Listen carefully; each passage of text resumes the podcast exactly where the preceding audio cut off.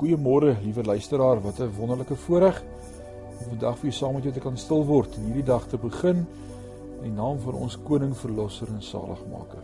Ons is hierdie week besig om te gesels oor die vrug van die Gees. Vanmôre wil ek spesifiek met jou gesels oor vrede. Vrede is die derde vrug wat gelys is in Galasiërs 5 vers 22. In hierdie tyd waarin ons onsself bevind, is vrede 'n relatiewe moeilike begrip om te verstaan en nog moeiliker om deel te maak van ons lewens. Daar is baie skrifte in die Bybel wat vir ons elkeen sê om vrede te hê. God sê vir ons dat ons vrede moet hê op verskeie maniere en mense reg deur die Ou en Nuwe Testament sê dit vir ons. Maar wat beteken vrede vir jou en vir my as kind van God? Kom ons sê eerstens vir mekaar dat vrede in die wêreld heeltemal iets anders beteken. In Johannes 14 sien ons hoe Jesus vir sy disippels vertel dat hy weggaan om vir 'n plek te gaan voorberei by die Vader. Dis verstaanbaar dat hierdie jong manne tussen die ouderdom van 13 en 20 redelik onseker was oor hulle toekoms, want Jesus was vir hulle die seun van God wat hulle sou kom red en as konings oor Israel en die hele wêreld sou regeer. Nou los hy hulle en sê dat hy 'n geskenk aan hulle gaan stuur. Ek seker hulle harte sou gevul wees met onsekerheid. En daar is 'n verskil tussen vrede vir die wêreld maar ook vrede vir die kind van God. In die wêreld het jy sekerheid van jou vrede nodig. Jy moet kan sien dat die infeksie aantal daal. Jy moet kan sien en seker wees dat jy genoeg geld in jou rekening het. Ons stel kontrakte op in besighede net sodat ons seker kan wees van die uitkoms en dat dit voordelig vir ons sal wees. In die wêreld moet vrede gesien kan word. Maar die vrede waarvan Jesus praat in Johannes 14 en waarvan Paulus praat in Galasiërs 5 is nie dieselfde wêreld as die vrede nie.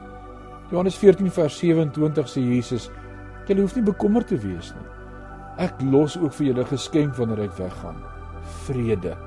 Moet dit egter nie verwar met die oppervlakkige vrede van hierdie wêreld nie. Dit is vrede wat iemand net by my kan kry. Daarom hoef jy nie gespanne of selfs bang te voel oor die toekoms nie. Die vrede wat ons as kinders van God het, is 'n innige vrede. Vrede ten spyte van omstandighede.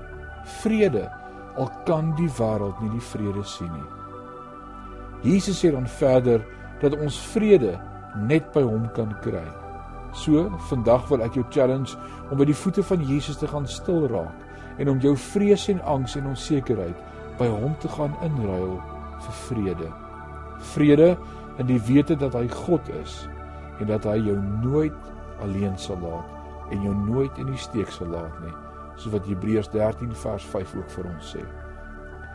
Vrede in die wete dat alles ten goeie vir ons sal meewerk want ons het hom lief soos wat Romeine 8 vers 28 vir ons leer.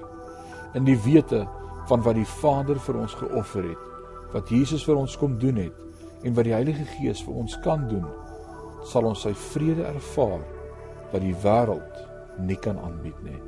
Kom ons bid saam. Ewige God en Hemelse Vader, wat 'n wonderlike voorreg om vandag hierdie dag te kan stil raak en aan U te kan opdra. Vader, ons bely vanmôre, ons het U vrede nodig, die vrede wat alle verstand te bowe gaan. Paulus praat van daardie vrede as die vrede wat ons sinne sal bewaar in Christus.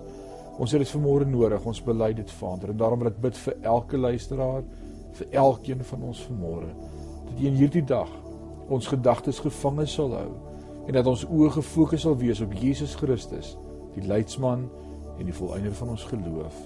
In Jesus naam. Amen.